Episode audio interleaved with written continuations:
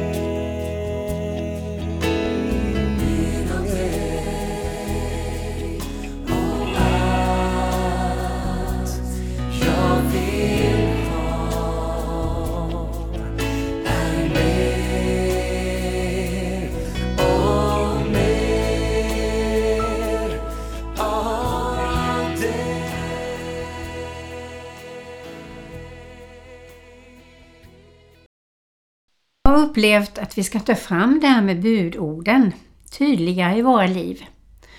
Både för oss själva, kunna dem utan till och inse vad de egentligen innebär. I litet och stort. Och kanske ibland behöver vi hjälpa människor att påminnas om de här tio budorden. Och det första är Du ska inte ha andra gudar vid sidan av mig. Du ska inte missbruka Herren i Guds namn. Ty Herren kommer inte att lämna den ostraffad som missbrukar hans namn. Tänk på att hålla sabbaten helig. Visa aktning för din far och din mor så att du får länge leva i ditt land som Herren din Gud har gett dig. Där, de budorden pratade jag om i förra och förra programmet. Och nu är vi framme vid det femte budordet. Du ska inte dräpa. Och de här budorden är ju viktiga pelare för oss och att ta fram i vårt land. Det kan vara ett böneämne att de tio budorden kommer fram både i media, TV, mer i predikningar, mer samtal mellan människor. För idag behövs de verkligen. Och det femte budordet heter Du ska inte dräpa. Och vi ska inte döda. Och det upptäckte jag när jag satt och tänkte efter och läste lite på olika sätt att det är väldigt, väldigt stort ämne egentligen. Och jag tänkte ta och läsa lite grann ur insidan. Där står det så här.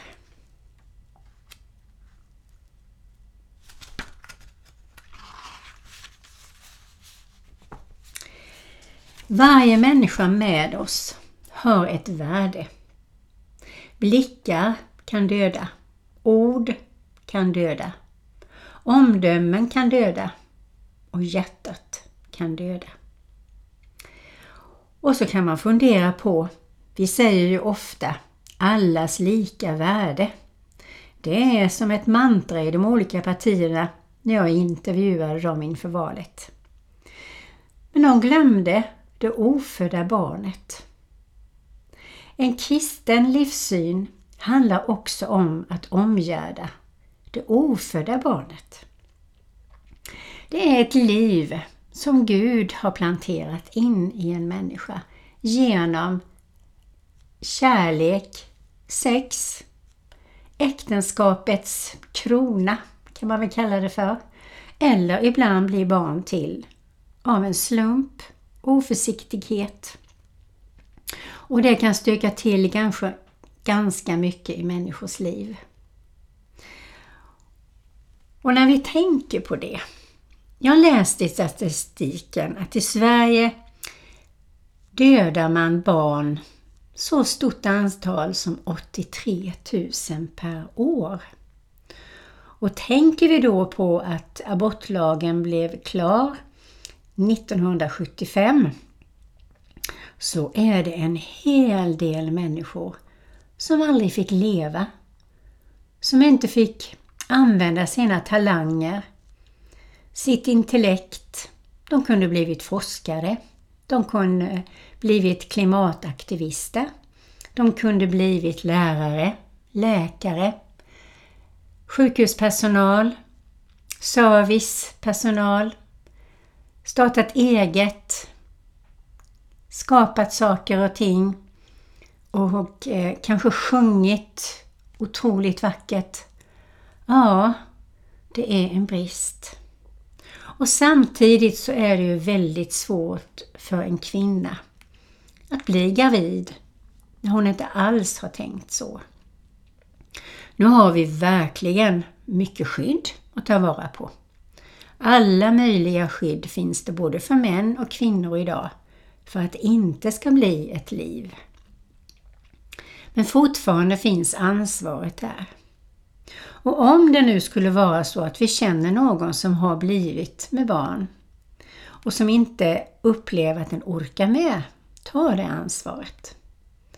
Så kan man på olika sätt stötta den här personen. Men jag tycker nog att man till och med kan uppmuntra den här personen att föda sitt barn och att adoptera bort det. Hellre än att döda ett barn. Och enligt forskning som jag slog upp så visar det sig att en person som gör abort, även om det är tidigt, får depressioner med jämna mellanrum hela livet igenom. Och då tänker jag också på så många ungdomar idag som man säger mår dåligt. Man kan ge tabletter, man kan ge ångestdämpande. Men jag tror det enda sättet att få en person som har gjort abort eller dödat på något annat sätt och fått skuldkänslor som känns väldigt tunga. Det är faktiskt att gå till Jesus och bekänna vid korset. Visa sin ånger, få gråta ut, kanske i dagar behöver man gråta över att man har tagit ett beslut eller gjort någonting som man djupt, djupt ångrar. Som har dödat ett litet barn. En människas kreativitet, glädje, arbetslust eller vad det än är för någonstans. Då går vi till Jesus och visar vår ånger och ber om förlåtelse. Ta emot förlåtelsen. Ber om hjälp att förlåta oss själva. Men kanske också ber om att förlåta den som varit med i det här skapandet av det lilla livet. Eller kanske någon annan som vi har skadat, som vi får be om förlåtelse till. Det finns en utväg genom Jesus Kristus och den är viktig att vi berättar om.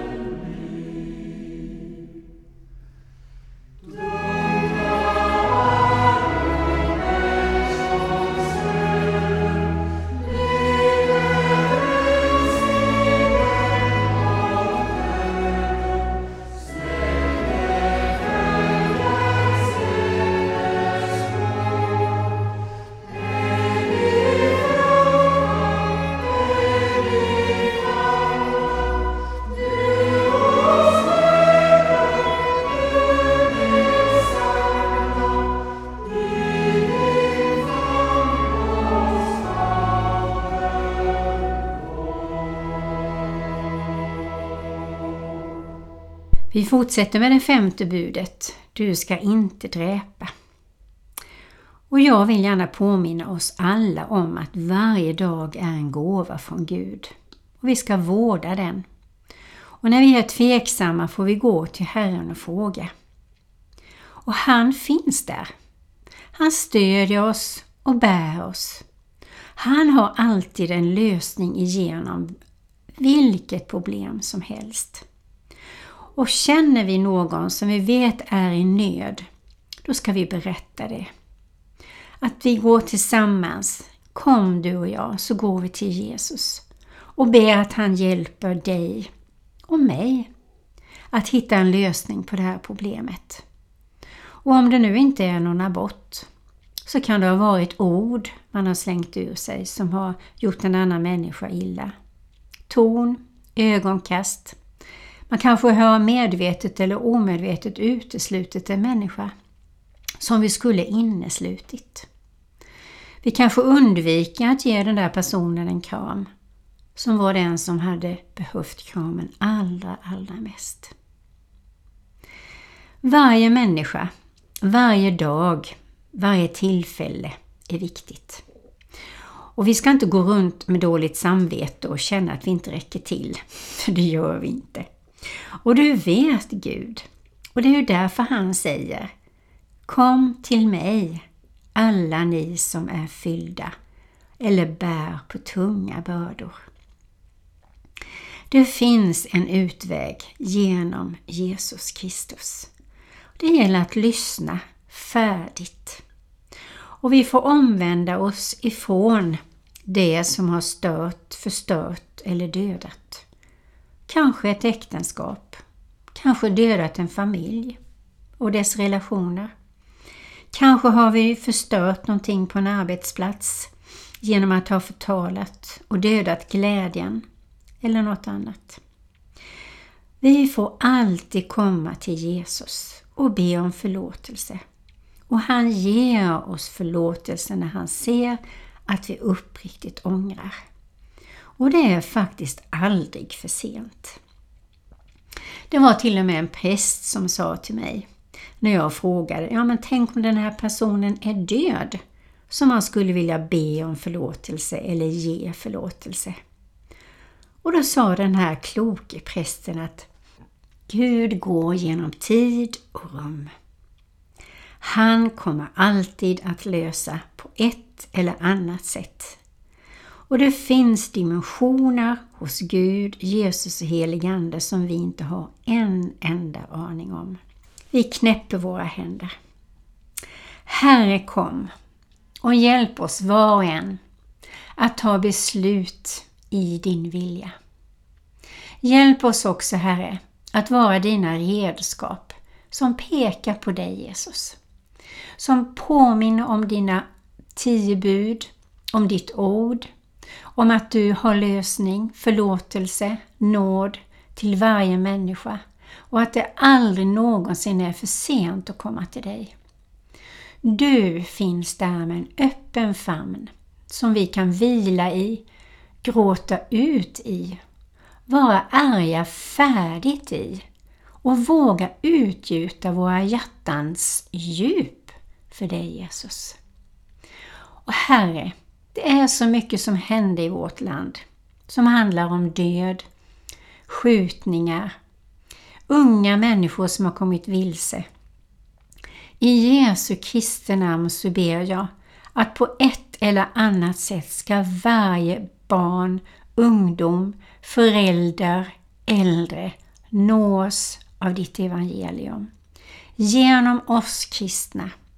Genom kyrkans predikningar som predikas rent och klart om din nåd, om din förlåtelse, vad bikt är för någonting och att vi får ta emot alla nådemedel som finns. Från nattvard, syndabekännelse och att vi får komma, hur knaggligt vi än ber, så lyssnar du Herre till vår bön och du svarar på den. Tack Jesus att vi kan lita på det. I Faderns, Sonens och den helige Andes namn.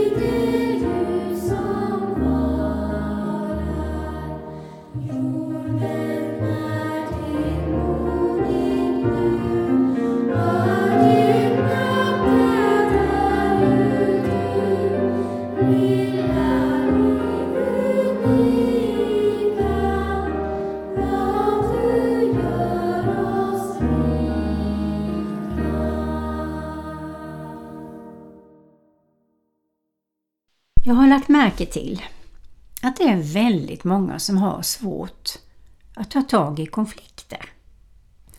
Många har till och med svårt att be om förlåtelse. Och det är verkligen tråkigt. För om det är på en arbetsplats så märks det. Om det är en skolklass så märks det. Om det är i en församling så märks det. Det märks och de som då inte har rätt ut sina problem, sina dilemman, sina kontroverser eller konflikter mår dåligt. Man kan faktiskt bli sjuk av att inte reda ut konflikter. Och när man reder ut en konflikt, det finns böcker man kan läsa om det. Det egentligen är det inte så svårt. Jag har ju jobbat som lärling med både barn, ungdomar, handikappade, utvecklingsstörda och jag har föräldrar och jag har barn och barnbarn. Så det har ju varit en träning naturligtvis i detta på olika sätt. Och jag märker, för varje sak man reder ut så sammansvetsas man hårdare, starkare och man får ännu större kärlek till varandra. Och alla gör vi ju fel. Det är ju precis som det står i Bibeln. Vem ska kasta första stenen? Det är lätt att riva ner och döda relationer, döda en god stämning, döda en människas självförtroende. Men det är svårt att be om förlåtelse ibland. Och det är ännu svårare att bygga upp relationen igen om man inte ber om förlåtelse. Och Jesus lär oss att vi ska be varandra om förlåtelse. Och vi får be till vår Fader om förlåtelse när vi har syndat. Gå till den det berör och förlåta oss själva. Amen.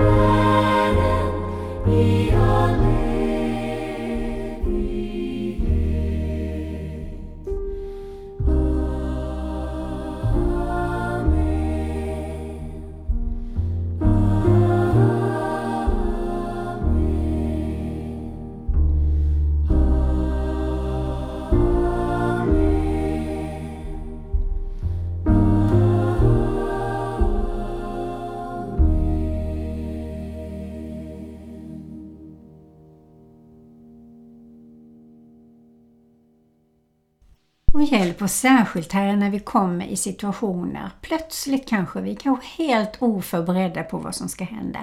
Och vi reagerar med våra känslor eller kanske vi har ömtåliga områden som någon slår på eller säger saker som precis just där gör det ont. Och vi har inte den självbehärskning som vi skulle behöva. Men Gud, vi ber i Jesu Kristi namn att vi inte ska vara de som dräper någon människa på något sätt. Och ge oss självbehärskning. Ge oss förlåtelsens gåva ännu mer.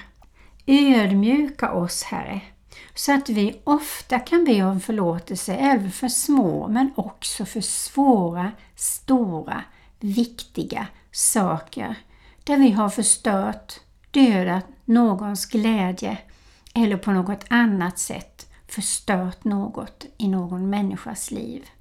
För ibland är vi så små och så ynkliga och så olydiga och så stökiga. Gode, gode Gud, förlåt oss för det, Herre. Och att du hjälper oss att ge förlåtelse.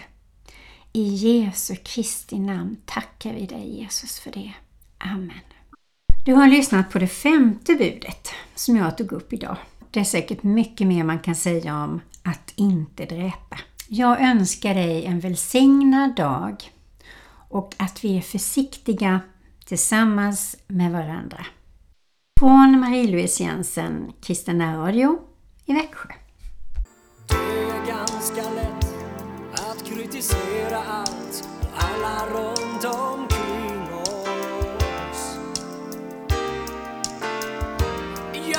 vi ser så lätt det fel och det brister som andra människor har.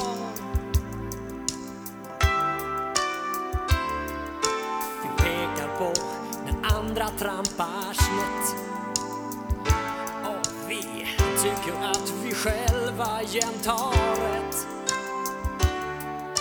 Men det var inte så vi skulle leva du och jag. Omsätta min tro i praktisk handling i min vardag. Oh, Hjälp mig så min tro inte bara